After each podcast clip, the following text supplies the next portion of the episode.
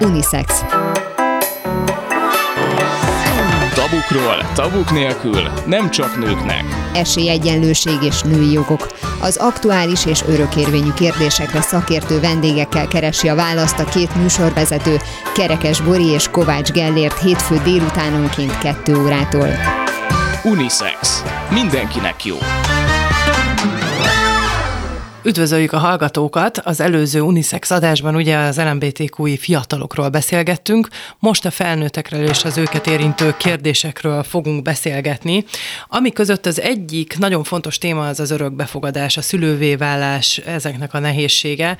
Úgyhogy első körben Kezdjük is az örökbefogadással. Neked vannak-e akár ismerőseiden keresztül személyes tapasztalataid ezzel kapcsolatban? Üdvözlöm a hallgatókat. Hát vannak bizony a mi családunkban édesanyám még a 80-as évek végén, a 90-es évek elején egy családi történet miatt, ami alatt azt kell érteni, hogy, hogy az egyik közeli családtagnak a, a kislányát magukhoz kellett venniük, mert ott nem, nem mesélném el, ha nem baj, elég borzalmas történet volt, és akkor így ők kapcsolatba kerültek a Gyivivel, hogy gyámok lettek, és aztán a 90-es évek végén örökbe fogadtak egy, egy kislányt, aki, akit aztán, hát, illetve magukhoz vettek, akit aztán örökbe is fogadtak. És aztán a, amennyire én követtem a szüleim eféle tevékenységét, igazából eléggé sokáig foglalkoztak ezzel, tehát nevelő szülőként is más gyerekeket is akár ideglenesen magukhoz vettek, de azt a kislányt, akit örökbe fogadtak, ő, őt a nevükre is írották, hát értemszerűen ugye ez a magyar jogrend szerint, meg hát minden, vagy nagyon sok jog, jogrend szerint ez, ez azt jelenti, és hát tragikus történet is volt a, a, a szüleimmel egy, egy, egy csecsemő, egy kisbaba kapcsán, aki egy beteges kisbaba volt, aki hozzájuk került, és három évig nevelték, aztán váratlanul elkerült tőlük egy, egy igen ködös és szomorú, meg gyanús történet kapcsán. Szóval hogy a mai adásban majd beszélgetünk ugye arról, hogy, hogy az LMBTQI emberek, mm, hát nem is az, hogy mennyire nehezen tudnak örökbe fogadni gyermeket, hanem tulajdonképpen technikailag Magyarországon ma már ez lehetetlen, de hogy nekem az a személyes véleményem, hogy a, az, az örökbefogadás az egyébként is egy, egy, egy nagyon nehéz történet Magyarországon. Egyébként sem működik úgy a rendszer, ahogy kéne, szerintem korrupt is, Nyilvánvalóan ezek vagy titkos, vagy nehezen bizonyítható történetek, már mint a, a korrupt, korrupció. A, a korrupció, a korrupt történetek, igen, mint, mint általában. Ö, és hát ez egy érzelmileg is rendkívül összetett dolog. Ö, azt tudom elmondani ö, abból a szempontból, amit én megéltem, hogy, mert arról nem igazán beszélünk, majd a beszélgetésben nem tituk, hogy fölvettük előre a, a, a beszélgetést, hogy a, hogy a gyerekek fókusza mi egy örökbefogadás kapcsán, vagy akár csak egy olyan helyzetben, amikor nevelőszülőkhöz kerülnek. Én, én azt gondolom, hogy ezeknek a gyerekeknek egyáltalán nem az számít, hogy, hogy ott a, az apa férfi legyen, az anya meg nő, hanem, hanem két, hanem két olyan emberhez kerüljön, vagy olyan ember, emberekhez vagy emberhez kerüljön, a, ahol, ahol szeretet fogadja. Hát, tehát, ahol van kötődés, tehát, e, Igen, tehát ez ennyire, ez ennyire egyszerű. Ők egy olyan reménytelen sivár alaphelyzetből indulnak.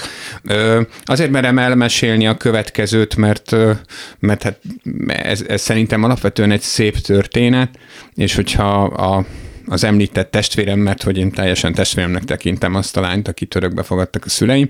Szerintem neki se lenne ellenére, hogy ezt elmesélem, hogy én emlékszem arra, amikor először találkoztam vele. Én kamasz voltam, ő pedig három éves, vagy kettő és fél, Fehérváron, és, és beengedtek minket egy ilyen játszószobába, ahol egyedül volt ez a lány, kislány, kisgyerek, és mindig a Jodie Foster jut róla eszemben a Nella Remetelány című film, és ezen szoktunk is egyébként nevetgélni vele, amikor ezt a történetet felidézzük, hogy így behúzódott egy sarokba, és tényleg, tényleg egy, egy, tulajdonképpen egy csokival kellett onnan hosszú-hosszú perceken keresztül kicsalogatni.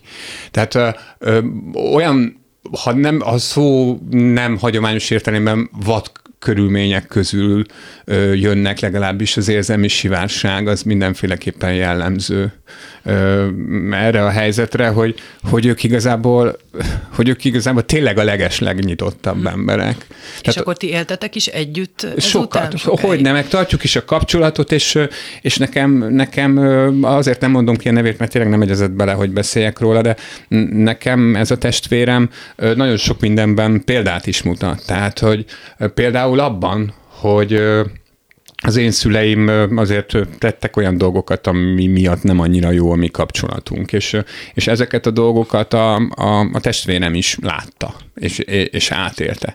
De, de neki nagyon kevés olyan, vagy nagyon kevés azoknak a dolgoknak a száma, amit megtudnának a szüleim, hát édesapám már nem él, tehát amit meg tudtak volna tenni vele szemben, hogy, hogy felülírják azt, hogy örökbe fogadták. Tehát az egy olyan alapot biztosított neki érzelmileg ezekkel az emberekkel kapcsolatban, amelyet nagyon nehéz lerombolni, és a szüleim nem is romboltak le egyébként. És amikor, amikor, én az, amikor én úgy érzem, hogy nem tudok a saját sérelmeim mögé látni mondjuk a szüleimmel kapcsolatban, akkor mindig rá gondolok, hogy, hogy, hogy neki ez sikerül, és hát nyilván azért, amit most elmeséltem.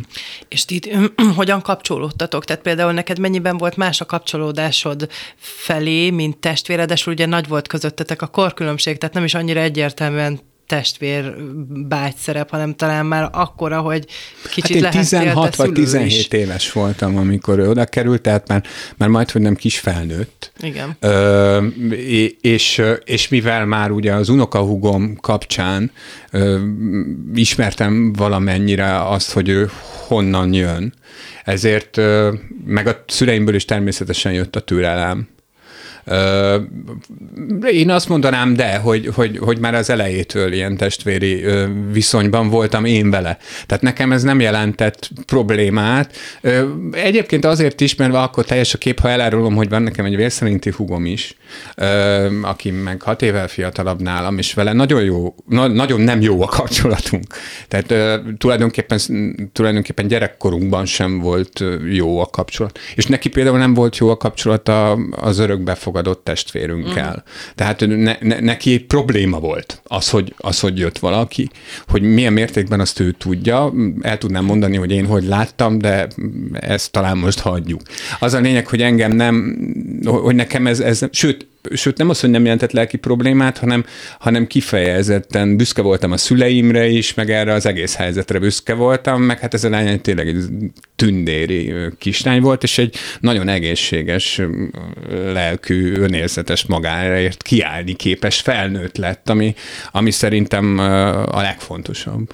Hát nyilvánvalóan ugye ez egy kicsit kapcsolódik ahhoz, amit mondtál is, hogy a, egy, egy gyerek nem a nem azt nézi, hogy hogy most milyen irányultságú az, akivel, milyen szexuális irányultságú, akivel akihez ő kerül, hanem az érzelmi biztonságot, mint hogy te gyerekként vagy kiskamaszként sem azt nézted, hogy vér szerinti genetikai alapon nyugszik-e az a kapcsolat, ami közöttetek kialakul, hanem nyilván az érzelmek mentén. Tehát, hogy ez, ez annyira egyértelmű. Szerintem ezen, ezen nincs is mit...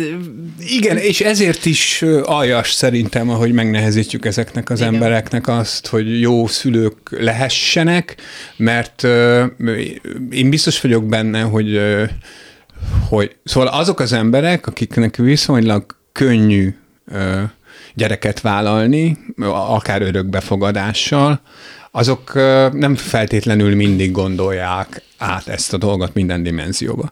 De mivel az LMBTQ emberek bele vannak kényszerülve abba, hogy gyakorlatilag folyamatos analízis alá tartsák a saját uh, szexuális identitásukat, és hogy az mit befolyásol, mit nem befolyásol.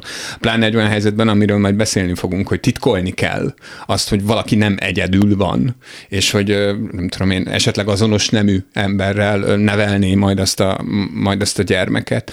Tehát ő, ők szerintem, de ez csak megérzés, ők szerintem jobban átgondolják a, a gyerekvállalást, jobban szembesítik magukat azzal már előzetesen, hogy mit, hogy mit raknak arra a gyerekre, és mit raknak magukra ez a gyerekvállalással. És szerintem ezért, tehát ez a társadalomnak káros, hogy megfosztjuk őket e, e, ettől a család kialakításának lehetőségétől, mert, mert nem az van, hogy megtűrjük őket, hogy jó van, akkor neveljenek ők is gyerekeket, hanem nekem meggyőződésem, hogy ők példát mutathatnak. Tehát az a néhány meleg pár, akit ismerek, és gyermeket nevelnek, hát egészen csodálatosan csinálják. Nyilván nem minden meleg pár nevel csodálatosan gyereket, mert ugye vannak jó emberek, meg vannak rossz emberek mindenhol, de, de, de a példák, a szemem előtt álló példák azt mutatják, hogy, hogy ők nagyon felelősségteljesen csinálják. És hát arról nem is beszélve, hogy ez nem csak őket érinti, hanem ugye az egyedülállókat is, akik megpróbálnának egyedül örökbe fogadni. Nekem meg ilyen példám van, egy barátnőm nagyon régóta foglalkozik ezzel, vagy hát próbálkozik, inkább mondjuk azt, és mindig csak ilyen végelláthatatlan sorszámokat hallunk, hogy, hogy esetleg majd egyszer. Gyakorlatilag volt olyan is, aki azt mondta, hogy semmi esélye nincsen, de egyébként meg ilyen nagyon hosszadalmas sorszámok Hát figyelj, jönnek. ott van az Anyáim története című Igen. dokumentumfilm. Ami abban van, az gyakorlatilag a magyar helyzettel kapcsolatban készpénznek vehető, és ezt nyugodtan ki is mondhatjuk, hogy ha van esélye egy, egy párnak, vagy egy magányos embernek gyermeket örökbe fogadni, akkor nagy esélye cigánygyermeket fogadhat örökbe, és őket ez tényleg nem érdekli. Ők tényleg az embert és a gyereket látják. Én kimerem mondani, lehet, hogy sokan meg fognak rám haragudni, de én azt gondolom, hogy a, a heteroszexuális párok válogatósak. Egy, egy idő után való, vagy valamilyen mértékben tényleg úgy viselkednek, mint hogyha egy boltban lennének. Hát nyilvánvalóan, amikor az embernek valami természetesen adott dolog, akkor máshogy áll hozzá, mint akkor, amikor ezért meg kell küzdeni. Igen, de ez igaz szerintem azokra is, akiknek természetesen, akik heteroszexuálisok, és, és természetes úton mondjuk valamilyen módon, vagy valamiért nem lehet gyermekük, és akkor örökbe akarnak fogadni. Nagyon sok ö, ö, csodálatos ö, ö, adottságú ö, cigánygyerek marad ezért állami gondozásban. És ez szerintem ez probléma, tehát ez egy, ez, ez egy társadalmi probléma, még akkor is, hogyha, hogyha nem beszélünk erről. És, és abban a filmben, az anyáim történetében ez, ez, ez szerintem kellőképpen ki van hangsúlyozva, mert ők ráadásul ugye a film szereplői, Dére Asia rendezte a filmet egyébként, a, a, film, a film szereplői ráadásul egy, egy másféle okokból is bonyolult kislányt választottak, vagy hát, vagy hát kaptak, és ők, ők azt a csomagot úgy, ahogy van, át, átvették. Tehát tulajdonképpen ebből a szempontból olyan felelősséget vállaltak, amit szerintem nagyon kevesen tesznek meg hasonló helyzetben a De úgy emlékszem, hogy ők a végén kimentek külföldre, ugye? Az Így van. Hát közvetett módon elüldözték őket ebből az országból. Elüldözték azt a családot, tehát elüldöztek egy családot, mert hogy, mert hogy ezek, is, e, e, ezek is családi konstrukciók. Ha beleírjuk a főtörvényünkbe, ha nem írjuk bele az alaptörvényünkbe, ők akkor is családok, ha tudomást veszünk róluk, ha nem. A szélmalomharc szó a következő beszélgetésben is elég gyakran elő fog kerülni. Gyakorlatilag ebben a filmben is valami ilyesmit láttunk. Aztán az ember vagy feladja, vagy valami jobban reménykedik, vagy, kitalál egy B-terve. Vagy csinálja tovább a szélmalomharcot. Így van. Vendégünk most dr. Polgári Eszter, a Háttértársaság jogi programjának vezetője. Az esetektől függő az, hogy ebben az országban ma milyen eredményeket lehet elérni? Tehát, hogy, hogy mit tudtok segíteni Nagyon. konkrétan? Nagyon. Tehát, hogy vannak ö, ügytípusok, ahol nem tudunk segíteni. Ott azért tudunk ö, Magyarországon eljárást indítani, hogy aztán el tudjunk jutni például a, a Strasburgi Emberi Jogok Európai Bíróságához. De a magyar... Ezek milyen típusú ügyek? Hát ilyen típusú, a klasszikusan ide tartoznak azok az ügyek, ahol már vagy egy, egyrészt nincsen egyáltalán hazai jogorvoslat, ez a nem jogi elismerése, tehát a transzok esetében a nem identitásnak megfelelő nem, illetve névváltoztatáshoz való jog, itt, itt teljesen kifogytunk már a jogorvoslatokból, mert az Alkotmánybíróság alaptörvénykonformnak találta a szabályozást, és a, a beadott alkotmányjogi panaszokat is visszautasították, és itt gyakorlatilag nincsen lehetőségünk arra, hogy bármiféle jogi eljárást kezdeményezünk. Ez természetesen összességében egészen jó, mert hogy lehet közvetlenül Strasbourgba menni, és mi ezt is tesszük. Ahol már nem kezdeményezünk hazai eljárásokat, az a külföldi házasság hazai anyagkönyvezése, mert ott mentünk több ügyel már a, a, a magyar bírósági rendszeren, voltak is győzelmeink, például a fővárosi törvényszéken, de végül a kúria egy ilyen precedens értékügyben azt mondta, hogy, hogy nem lehet, mert a magyar jogi környezet nem teszi lehetővé azt, hogy ezeket a házasságokat Magyarországon bejegyzett élettársi kapcsolatként anyakönyvezzék, így aztán már ezeket nem, nem pereljük igazából itthon. Itt már van olyan eljárás, amivel eljutottunk Strasbourgba, és hát vannak olyanok, ahol muszáj perelni.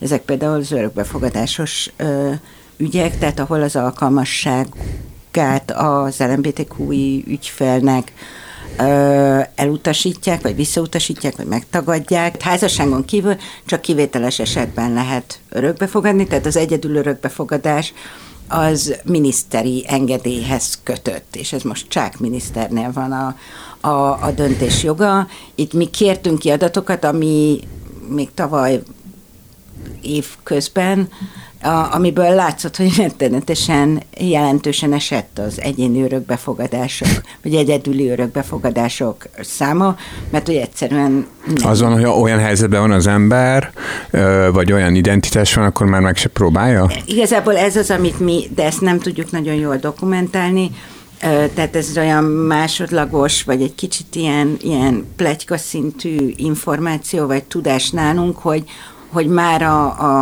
a, az örökbefogadási eljárás elején elkezdik érzékeltetni a, a, az elem főleg, főleg meleg örökbefogadásra váló. is nem. Hát most az egyedül, aki beadta, tehát hogy ezt nem mondják, hogy nem fog gyereket kapni, csak azt, hogy hát, hogy majd, hát, hogy így mindenki Igen, de van. hogy ez a rendszer sajátossága, tehát ugye, hogy iszonyatosan erős a preferencia, a, a rendszerben, és ez nem most született, tehát ez még a 2010-es évek elejétől kezdve, így szépen fokozatosan kerültek be szabályok az örökbefogadási eljárásba, ami a házastársakat részesíti előnyben. Tehát, hogy eddig is az volt, hogy már szerintem az 2014 óta, de ebben nem vagyok teljesen biztos az időpontban, hogy, a, hogy a, ha a nem házastárs örökbefogadók csak akkor kaphatnak gyermeket, vagy csak akkor ajánlanak nekik ki gyermeket, hogyha gyakorlatilag az országban nincsen több, nincsen ö, házas társ örök, vagy házas pár örökbefogadó, aki azt a gyereket szeretné. Tehát, hogy már ezeket a regionális ö, ö, preferenciákat is felülírták azzal, tehát, hogy már eddig is a sor végén voltak, most nyilván egyszerűen megalázóbb lett, meg körülményesebb lett az eljárás amiatt, hogy, hogy kell egy miniszteri engedély, nem nagy számú engedélyt tagadott meg egyébként a, a, a miniszter, tehát nagyon kicsi az a szám, ami, tehát 10% alatti az, akinek nem hagyta jóvá az örökbefogadásra való alkalmasságáról szóló döntést. Hány de, emberről beszélünk körülbelül? Szá, tehát tavaly, tavaly, amikor mi adatot kértünk, akkor 110 körül volt a, a, a beadott és elbírált engedélyek száma, ami nagyon kevés egyébként. De hát ugye azt nem tudjuk, és ez, ezen, ezen így próbálunk dolgozni, hogy megtudjuk, hogy, hogy hány gyerek kerül például külföldre, ezeket közérdekű adatigénylésekkel lehet lehet egy kicsit feltérképezni. És például az, hogy eljusson az ügy egy ilyen beadványig, az a, az a örökbefogadó szülőn múlik, tehát, hogy ez, ez nem, nem egy olyan dolog, ami lehet aktatologatni, hogy hátráltatják, hanem e, e, de olyan. De, Aha. lehet. Tehát, hogy ezért azok az ügyek, amikben mi pereskedünk most, ezek az ügyek 2021 előtt indultak. Tehát itt nem, elvileg nem kellene, és nem is kell, mert hogy ugye nem vonatkozik ez a szabály az ő eljárásukra, nem kell a miniszteri engedély. Itt minden esetben volt egy támogató döntés a tegyesztől, tehát a tegyesz a környezettanulmány és a pszichológiai vizsgálat és hasonlók alapján felterjesztette a gyámhatósághoz a, az ügyet, azzal, hogy ők támogatják az alkalmasság kimondását, és akkor a, és akkor a gyámhatóság dobta ezeket visszamondva, és akkor azok a döntések azok nagyon nagyon felháborítóak. Tehát, hogy abban azért tényleg van az, hogy, hogy ők, ők maguk a saját létezésükkel nem, nem tudják biztosítani azt, hogy a, a propaganda törvény szabályai nem sérülnek, a, a Strasburgi Bíróság esetjogát úgy idézi, hogy, hogy azt, amit a kormány az eljárásban érvelt, azt a bíróság szájába adja. Tehát ez amikor látod, hogy ez, én tudom, hogy ez egy, az egy pozitív Strasburgi döntés, mégis az ellenkező irányú érvelést próbálják vele alátámasztani, és akkor ez persze nyilván gyanús lesz, és akkor az ember utána néz, hogy ki is mondta az eljárásban azt. És akkor, és akkor ilyenkor a gyámhatóság elutasítja, ezt meg lehet támadni bíróságon, ezt megtesszük, akkor a bíróság most több esetben azt mondta, hogy nem, tessék megismételni az eljárást, akkor megyünk újra. Ezt iszonyatosan el lehet húzni azzal, hogy újra kinendelnek például pszichológiai szakértőt, akkor újra el kell menni, az újra véleményt fog alkotni, ezek hónapokat vesznek el. És, és akkor erre nagyon kevesen uh, jelentkeznek, vagy nagyon eleve kevesen, kevesen vállalják eleve ezt. kevesen jelentkeznek, eleve nagyon nehéz bárkit arra biztatni, hogy tehát nekünk jó, hogyha ügyeket generálunk, mert akkor lehet mutatni, hogy egyébként strukturális probléma van a jogrendszerben, de, de hát azért mi az elejétől látjuk, hogy ez nagyon nehéz lesz, és nagyon hosszú, és nagyon megterhelő annak, aki beszáll egy ilyen eljárásba, tehát nehéz is rábeszélni, tehát rábeszélni senkit nem fogunk arra, hogy, hogy pereskedjen, csak akkor, hogyha... Ha Van azért egy-két sik, teljes sikertörténet? Mármint, hogy a végeredményt tekintve? Hát nem. Szerintem a, nem. ami, ami sikertörténet, azt, azt lehet ismerni a sajtóból, uh-huh. de az is 2021 előtti ügy, és azóta nem nagyon mondanám, hogy, hogy mi, mi mindig, még mindig hazai bíróság előtt vagyunk ezekben az ügyekben. Az örökbefogadáson kívül mik azok a tipikus esetek, amikkel megkeresnek? Hát a nem jogi elismerése az egy nagyon nagy probléma, tehát az, hogy a transzok nem tudják a, a nemüket jogilag elismertetni, és ezért olyan névvel kell élniük, ami, ami nem tükrözi az ő társadalmi valóságukat, meg egyébként a nemi identitásukat. Tehát ez egy állandó probléma, és, és ez nagyon sok területen diszkriminatív eseteket, vagy diszkriminációs eseteket eredményez, és diszkriminatív eljárást eredményez velük szemben. Tehát a munkavállalás, a, az iskola egyébként lehet egy ilyen nagyon neuralgikus terület a számukra.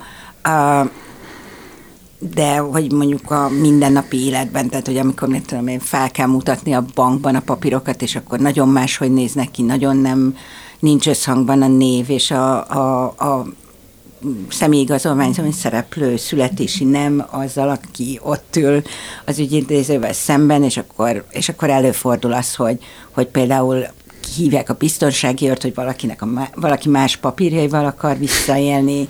Ilyen előfordul egyébként például a BKV-n is, és ez, ne, tényleg. Hát, hogyha ha ellenőrzik a, a bérletedet, és mondjuk vagy meg akarnak büntetni, és akkor, és akkor, tehát minden egyes alkalommal a postán, tehát hogy minden egyes alkalommal, amikor elő kell venni a, a személyigazolványt, vagy, az, vagy azonosítani Tehát kell. ez egy napi szintű probléma. Ez egy napi szintű probléma, és, ez nem, és ezt nem tudjuk eléggé hangsúlyozni, hogy ez nagyon nem egy ilyen, ilyen teoretikus uh, nehézség az ő életükben. Ez egy nagyon-nagyon komoly probléma. Hát ez egyik legpraktikusabb dolog az Igen. életünkben, hogy Igen. a hétköznapokban ezért, hogy vállalhatjuk magunkat. Igen. És ezért ilyen nagyszerűek egyébként, amit most pont reggel olvastam, hogy, vagy a saját hírünket olvastam reggel, hogy, hogy például van most egy olyan bank, amelyik lehetővé teszi azt, hogy, hogy a bankkártyán a választott neve szerepeljen valakinek. Hm. Ami ami ilyen nagyon pici dolog, de mégis rettenetesen Nagyon előre, fontos. előrelépés az ő életükben. És mondjuk, hogyha egy ilyen problémával megkeresnek benneteket, akkor mit tudtok csinálni? Hát attól függ.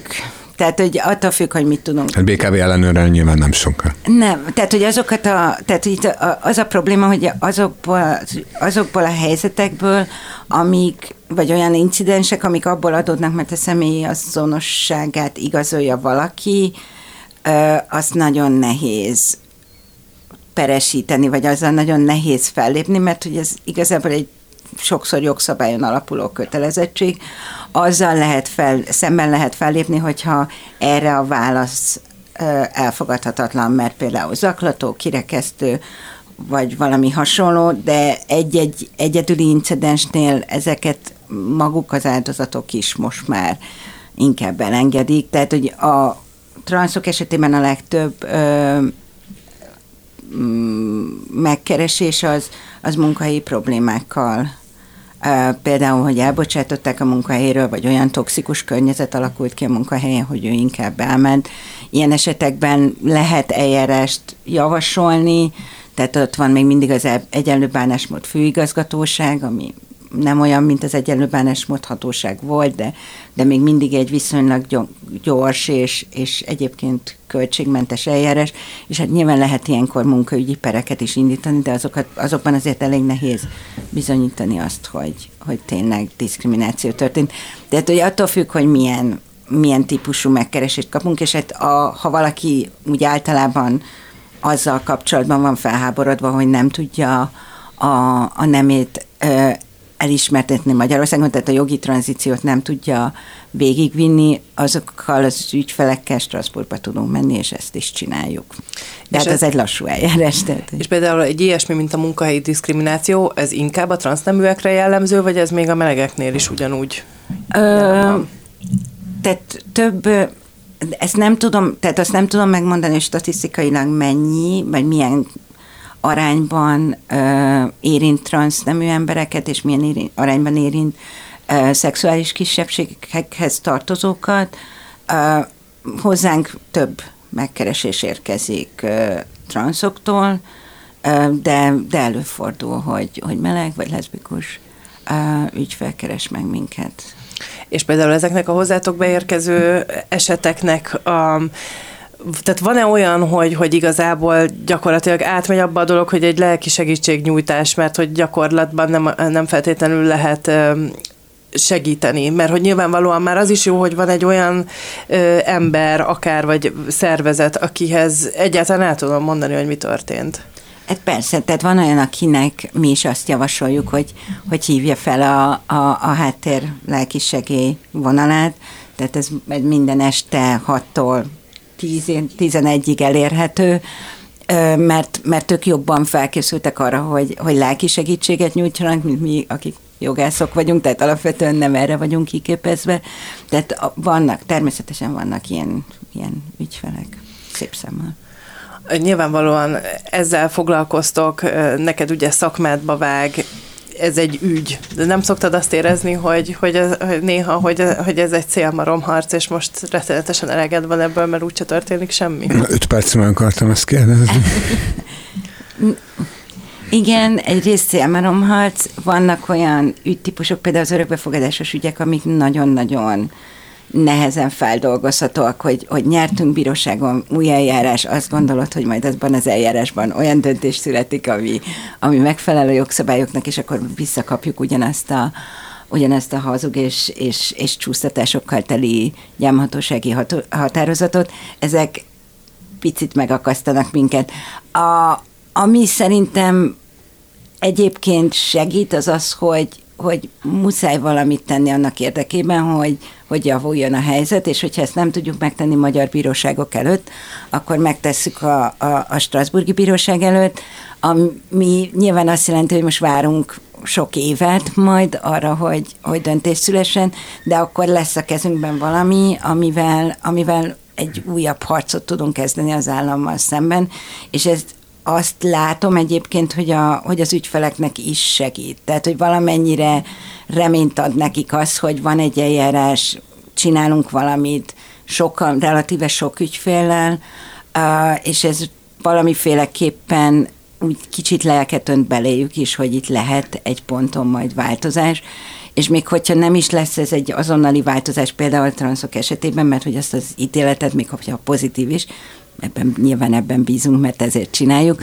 azt még mindig végre kell hajtani a magyar államnak, de de hogy legalább akkor van mögöttünk egy nagyobb intézményrendszer, amelyik azt a, az ítéletet nyomhatja, és amelyik számon kérheti a, a, a magyar államot azért, mert nem teljesíti a kötelezettségeit, és néha meg azért csinálunk dolgokat, hogy, hogy egyszerűen egyszerűen illusztráljuk azt, hogy mennyire abszurdak ezek a szabályok. Tehát, hogy mennyire abszurd az, hogy a, itt szembe a, a Néprajzi Múzeumban egy ilyen, egy ilyen vékony kordonnal van lezárva a kiállítás azon része, ahol, ahol egyébként semmi nem indokolná azt, hogy azt 18 év alattiaktól elzárják.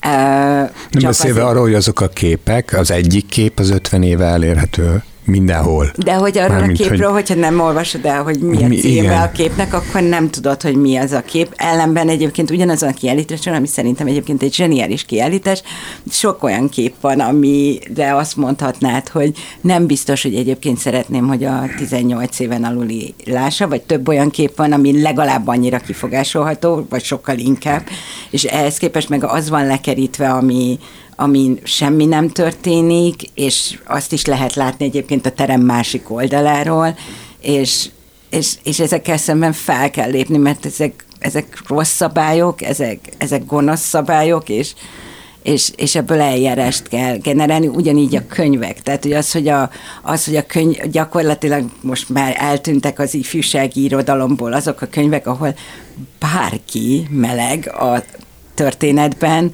és átkerültek a felnőtt irodalomba, vagy átkerültek a felnőtt irodalomba becsomagolva, azok, azok, ezek abszurd szabályok, és ezekkel, ezekkel tenni kell valamit, és ezt bíróságon tudjuk megtenni, és, akkor ezért... és mit vesztek észre, hogy amikor hozzátok fordulnak egy ö, közepesen kemény ügyben, tehát ami mondjuk nem életbevágó, idézőjelesen csak rendkívül kellemetlen és megalázó, és nem tudom én, hogy a, a, az LMBTQ emberek ö, ö, látják még egyáltalán értelmét annak ebben az országban, hogy kiálljanak magukért? Szerintem igen. Tehát szerintem ami legalábbis a mi nézőpontunkból, tehát mondjuk a jogsegész szempontjából érzékelhető különbség az az, hogy sokkal jogtudatosabbak lettek.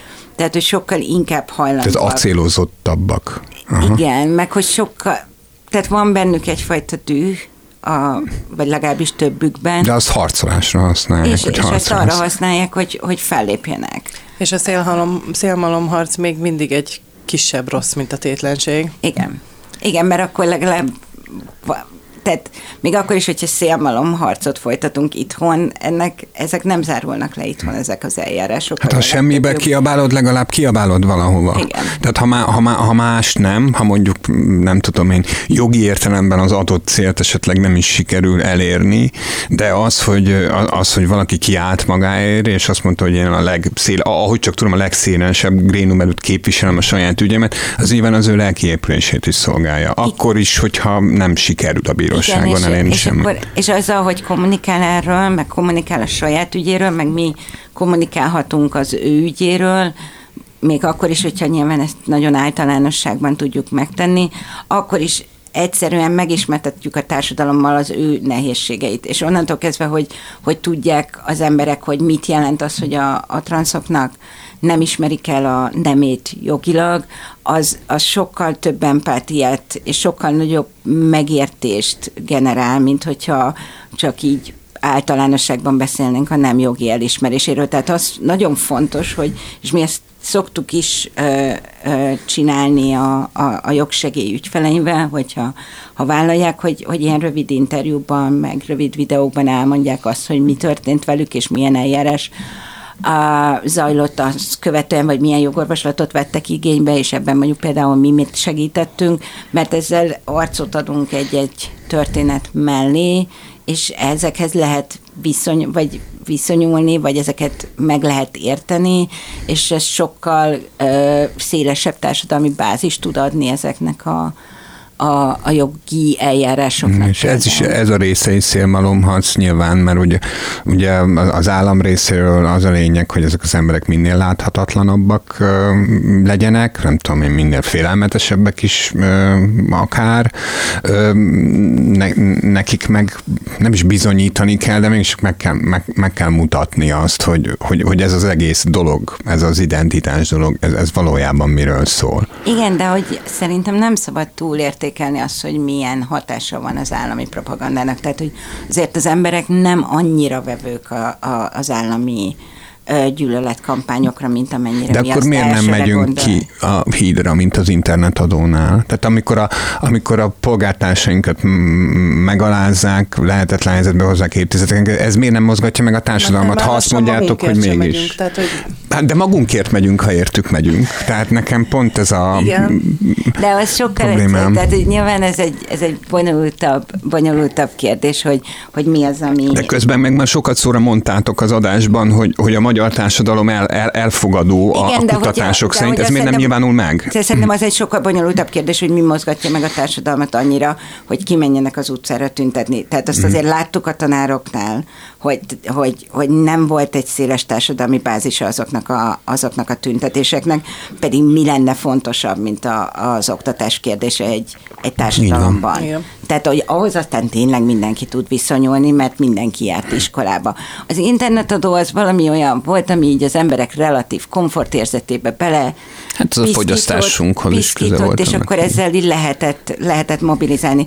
Addig, amíg ezt, nem, ezt a szintet nem tudod megütni, addig nem nagyon tudsz ö, egy széles tiltakozást ö, létrehozni. Tehát ugyanúgy, mint ahogy a, a propaganda törvény elfogadása előtt egy nappal azért, azért nagyon sok, nagy, tehát gyakorlatilag egy napos hirdetéssel nagyon sok ember ment ki, ment ki tüntetni, ami egy ilyen nagyon gyors reagálású tüntetés esetében sok volt.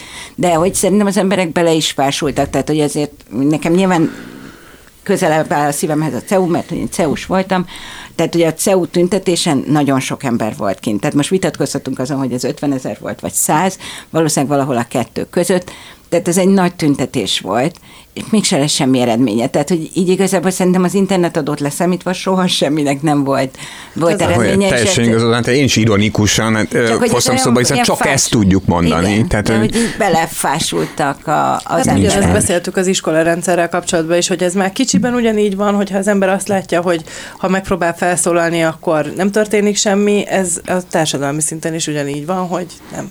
Hát meg ennek a törvénynek is ugye olyan az állaga, meg a szövegezése, hogy, hogy bunkos botnak sokkal inkább alkalmas, mint jogszabálynak. Tehát ez, hogy nem, ez, ez is vannak ezek az abszurd sztorik, amik vannak a múzeumban, meg a könyvesboltban, meg, meg, meg mindenhol. Meg a, meg a Netflix-el, tehát hogy azért meg a, a korhatárbizottsággal, meg mindennel. A korhatáros besorolásokkal, meg, meg hasonlók. Tehát azért a, a, én most megnéztem egy-két ilyen mesefilmet, amit kifogásoltak, de tényleg tehát egyik külföldi médiahatóság sem kooperált még eddig, a, vagy nem válaszolt pozitívan a, a jogsegély iránti megkeresésekre, de, de nem ez a, tehát szóval nem ezek a gyakorlati, a gyakorlati problémák nem ezekből adódnak, mert, mert ezeknek nincsen, gyakorlatilag nincsen hatása, Ez absztrakt hanem dolgok, az, hogy, hanem az, hogy, hogy borzalmasan nagy az öncenzúra. Tehát az, hogy az emberek akkor is betartják a törvényt, hogyha, hogyha, hogyha rájuk nem is vonatkozna, mert azt gondolják, hogy így, így tudják távol tartani magukat attól, hogy, hogy szankciókat alkalmazzanak velük szemben, és iszonyatosan nagy a dermesztő hatása, tehát hogy bizonyos típusú kommunikáció, meg bizonyos típusú tartalmak azok teljesen eltűntek, leginkább az iskolákból, ami ugye nekünk nagy fájdalmunk, de, de máshonnan is. Tehát a, a, mondjuk, hogy csak a reklámokat nézitek, tehát azért régen voltak ilyen reklámok, ahol, ahol legalább voltak azonos nemi párok, meg hasonlók, botrány is volt belőlük, de legalább voltak. De most ezek egyáltalán nincsenek, tehát hogy most, most nem tudom, egy-két cég próbálkozik valamivel, ami, mit tudom, szivárványos, de már az se olyan nagyon. De nagyon szépen köszönjük dr. Polgári Eszternek, hogy a vendégünk volt. Köszönjük szépen. Köszönöm szépen. Hírrovatunk következik, melynek címe, mármint a hírnek, amiről beszélünk, ha nem lenne nemi diszkrimináció jelentős mértékben, nőne a GDP. Na tessék. Az IMF kutatása kimutatta, hogy a nők gazdasági szerepvállalása képes növelni a termelékenységet. Ennek értelmében a diszkriminációnak bérezés tekintetében nincs valós alapja. Ha megteremtenénk a nemek közti egyenlőséget, brutálisan nőne a globális éves GDP. A nők fizetése még mindig kevesebb, mint az azonos bérkategóriában dolgozó férfi kollégáiknak. Az életkor előre haladtával egyre csak nő a szakadék a két nem bérei között, és 2022-ben a teljes munkaidőben foglalkoztatott nők havi bruttó átlag keresete több mint 17%-kal maradt el a férfiakétól.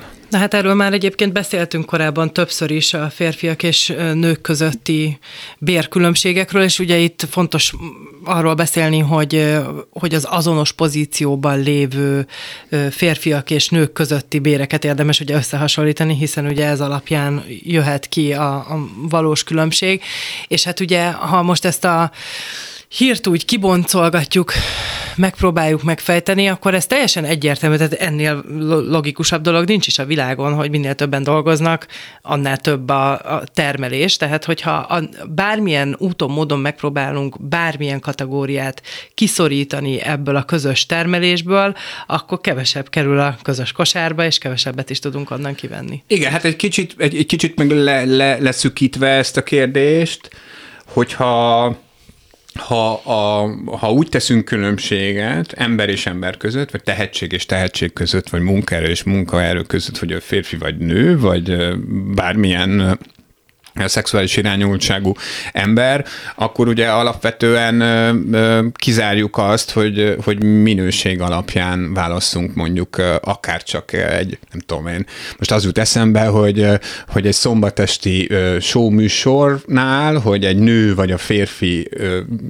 műsorvezető van, az tulajdonképpen teljesen mindegy, hogyha az a műsorvezető tehetséges, ha azt a műsorvezetőt szeretik a nézők. És ha, hozza a számokat. És hozza a számokat. Ezt mondom, hogy, hogy én, én, én, nem, én nem gondolnám azt, hogy nem tudom én egy x tehetségkutatónál számít, hogy az a, az a fiatal feltörekvő műsorvezető, aki elmondja az SMS számokat, meg a nem tudom én mit, hogy hol lehet szavazni, hogy, hogy ő férfi vagy nő. Tehát valószínűleg ugyanúgy megnézi az a, nem tudom, egy 801 millió ember ezt a tehetségkutatót, hogyha egy nő tartja a mikrofont, és olvassa föl a szavazati arányokat, vagy hogyha a férfi férfi ö, teszi ezt meg. Az a baj, hogy ehhez szerintem nem is az, hogy speciális szemüveg kellene, különösen ebben az országban, hanem, hanem hogy nem is kéne hozzá szemüveg, mármint hogy, hogy, hogy tisztán kellene ebben, ebben, ebben látni, mert, mert annyira már tényleg megváltozott a, a, a világ, hogy, hogy igazából csak rajtunk múlik az, hogy megpróbálunk-e egyenlő feltételeket, tehetség és teljesítmény alapú feltételeket teremteni a, a, a nemek között, és hát ez, ez valóban az egész társadalomnak hasznos. Hát biztos, hogy tehát, hogy az, hogy, hogy ez a folyamat milyen lassan változik meg, ha megváltozik, akkor az, az nyilván összefüggésben van a, az adott ország társadalmi változásával, vagy azzal, hogy éppen az adott ország hol tart ebben a kérdésben. Elvileg muszáj lesz most valamennyire változnia, mert ugye a bértranszparencia kötelező lesz, tehát hogy elvileg a cégeknek konkrét adatokat kell szolgáltatni arról, hogy ki mennyit keres, és ebbe ugyanúgy beletartoznak a férfiak. Ez a kérdés az, hogy mennyi himi-humi lesz majd ezzel. Igen, úgy. azt nem tudom, hogy ez a gyakorlatban valójában hogyan fog működni.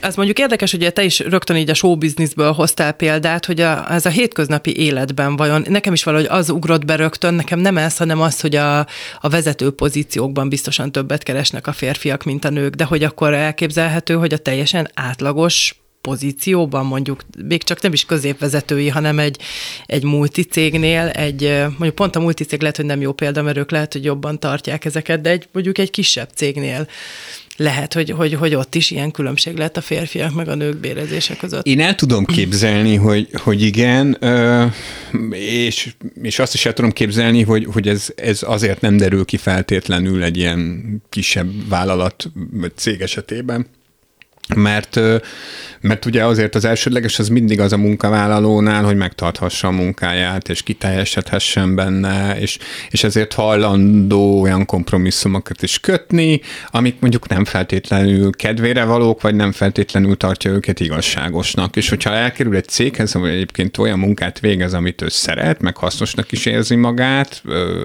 ö, akkor, de, de egy olyan helyzettel találja magát szembe, hogy itt a nők kevesebb pénzt keresnek, mint a férfiak, akkor én el tudom képzelni, hogy ő ezt el fogja fogadni, mert hát ez van. Tehát, hogyha nem, ha nem fogadja el, akkor szerintem a legtöbb ilyen, ilyen esetben lehet, hogy nem egyenesen, hanem ilyen mindenféle sunyi út, útvonalon, de a, a vége az mégiscsak az, hogy általában megválnak a munkaerőtől, vagy valahogy ráveszik, hogy elégedjen meg a, a kevesebben. Tehát a, a, az a baj, hogy, hogy ennek a dolognak tényleg a fejekben kell megváltoznia, tehát valami olyan gyökeres változás kellene egyszerűen abban, ahogy erre a kérdésre, a nő és férfi bérezésre ránézünk, aminek én nem látom Magyarországon még a csíráját sem. Tehát, sőt, igazából még a vezényszavak szintjén, vagy az ígéretek szintjén sincs ez jelen, mert az sok témában van, hogy persze hazudoznak össze-vissza, meg mondanak ezt, az, hogy majd ezzel foglalkozni fogunk, de ebből, e, ezen még nem különösebb diskurzus sem Igen. látok. Félrebeszélés van, meg olyan polgármesterek, akik odaállnak a Marika meg a Julika mellé, és akkor átkarolják őket, és kicsit belecsípnek a fenekükbe, mert az szerintük így rendben van. Tehát, hogy e, e, ez, amit most mondtam, szerintem ez a magyar átlag. Valószínűleg Még sok mindig. helyen, már mint mondjuk az, igen, az ilyen területeken. Én, én azért, én nem tudom, én sose dolgoztam multicégnél, de amit, amit látok, és nem is bírnék, szóval nekem én teljesen alkalmatlan vagyok erre, de amit látok a barátaimon, hogy, hogy ott azért van egy, egy ilyen, amit ugye ők így poliszinak hívnak, tehát hogy vannak ott olyan elvek, amik pont azért, hogy multi, ugye ez nem a, a magyar elvek, hanem a nemzetközi, amik olyan gyakorlatok, amiket a külföldi partnercégektől vettek át, és ők ezeket tartják, és hogy szerintem ott azért nincs ez. Én nem e, látom. Én is így látom, vagy hát simán elképzelhetőnek tartom. Én inkább azt, azt mondom, hogy hogyha arról beszélünk, hogy, hogy a, a magyar szabályozás, vagy a, a, hát az igen. A, vagy a magyar, az úgynevezett magyar hozzáállás ehhez a kérdéshez, az meglehetősen szomorú. És igazából már szerintem ilyen bicskanyitogatóan passzívak erre a dologra. Tehát most, most csak azért, mert nő lett a köztársasági elnök, meg, meg, meg, meg időnként fölmutatnak egy-egy nőt ilyen-olyan egyébként láthatóan passzív politikai pozícióban, de igaz ez egyébként a közélet más területére is. Tehát, hogyha ha megnézed, hogy ma Magyarországon a, a fontos hatalommal bíró ö, helyzetekben lévő cégek, állami cégek, vagy állami akármilyen szervezetek élén hány nő van, hát nem találsz túl sokat. Tehát az egészségügyben látni ilyeneket, meg, meg egy-két helyen, de egyébként egyáltalán nem ez a jellemző, és közben meg megy a nagy félrebeszélés, és, és a, a gyökeresen himsoviniszta hozzáállás a dolgokhoz. Te egyébként találkoztál szakmai pályafutásod során a munkádban bármikor olyannal, hogy téged mondjuk pozitívan ítéltek meg amiatt, tehát előnyöd volt abból, hogy férfi vagy? Mármint nyilván ez a előfordulhat olyan, hogy nem tudatos, de hogy amikor ez így neked tudatos is volt, vagy érezted, hogy, hogy emiatt van különbség? Nem rémlik semmi ilyesmi. Szerintem ez egyébként rajtam is múlik, Szóval, hogy hogyha ha, ha én egy munkahelyen, vagy a magánéletemben azokat a nézeteket képviselem, hogy, hogy, egy, hogy, hogy egyenlőséget szeretnék, vagy hogy nem, nem tűröm azt, hogy, hogy a, a, a nők, a környezetben lévő nők meg legyenek bármilyen módon alázva, vagy bármilyen megkülönböztetés, negatív megkülönböztetés ide őket, akkor, akkor szerint szerintem kisebb eséllyel találkozom ezzel, mert, mert a környezetem is látja, hogy, hogy, hogy, hogy ez nekem fontos. De én nem, én nem dolgoztam olyan helyen, én nem dolgoztam, ebben az értelemben nem dolgoztam multinál, meg hmm. nem, nem dolgoztam olyan, olyan cégnél, ahol lett volna a tetején egy darab fej, aki a, aki megmondja, hogy nem tudom én, a férfiak meg a nők mennyit keressenek. Ugye én alapvetően a kulturális életben dolgoztam mindig, és ebből a szempontból a, a, az én felfogásom szerint, meg az én tapasztalataim szerint ez egy meglehetősen unisex ágazat a, a, a társadalomnak. Tehát itt nem, nem, nem, nem az számít a, a filmeknél, vagy az irodalomban, vagy a kultúrában, ott, ott tényleg nem az számít, hát hogy milyen függ, hogy mennyire vagy. kell rendszeres jelenlét, mert ez nagyon érdekes, hogy én azóta nem találkoztam, amióta gyerekeim vannak, pedig én azt hittem, hogy ak- akkor fog mindenki tőlem megijedni, hanem amikor ilyen 28-30 körül kezdtem lenni, akkor mindenki fél tőlem, mint a tűztől, mert hát ugye ez a lány, ez majd lehet, hogy gyereket akar, hiszen abban a korban van. Az ilyen korú lányok, és ezt ismerőseimtől is hallottam vissza, én pedig több alkalommal is tapasztaltam, hogy ez egy abszolút diszkriminatív tényező, és tök érdekes, hogy amikor meg már meglettek a gyerekek, akkor szerintem velem most így nem jut eszembe ilyen, hogy lett volna olyan alkalom, hogy én emiatt pattantam volna le, viszont a férjem igen, ő eljutott a nem volt addig szóval, hogy a gyerekekről egy ilyen háromfordulós állásinterjú, és akkor a harmadik fordulóban valamiért szóba került, hogy ja, hát amúgy meg vannak gyerekei, és onnantól kezdve nem hívták föl többet, és volt ismerősünk, úgyhogy megtudtuk, hogy azért, mert egy gyerektelent választottak. Hogy nagyon érdekes, hogy már tényleg erről is ugye sokat beszéltünk, hogy alakulnak át a szerepek, hogy már egy appát is érhet, egy férfit is érhet ezzel kapcsolatban diszkrimináció munkahelyi. Hát igen, mert alapvetően az a típusú diszkrimináció, amiről te beszélsz, az ugye a gyerekvállaláshoz kötődik, és az, az igazából tulajdonképpen teljesen mindegy, hogy egy férfi vagy egy nő neveli, vagy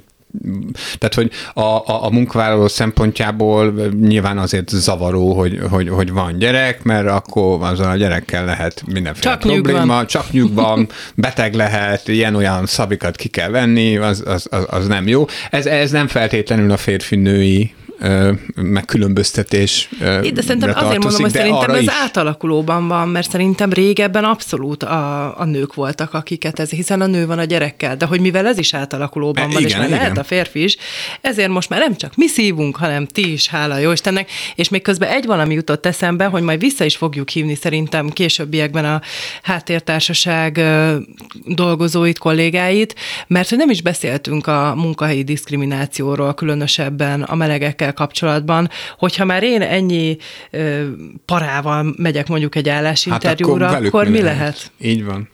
Nagyon köszönjük a hallgatóknak a figyelmet, ez volt az Unisex, meghallgathatnak bennünket online is a Klubrádió felületén, illetve a fő podcast megosztó csatornákon. Búcsúzik önöktől a két műsorvezető, Kovács Gellért és Kerekes Bori. Minden jót vigyázzanak magukra.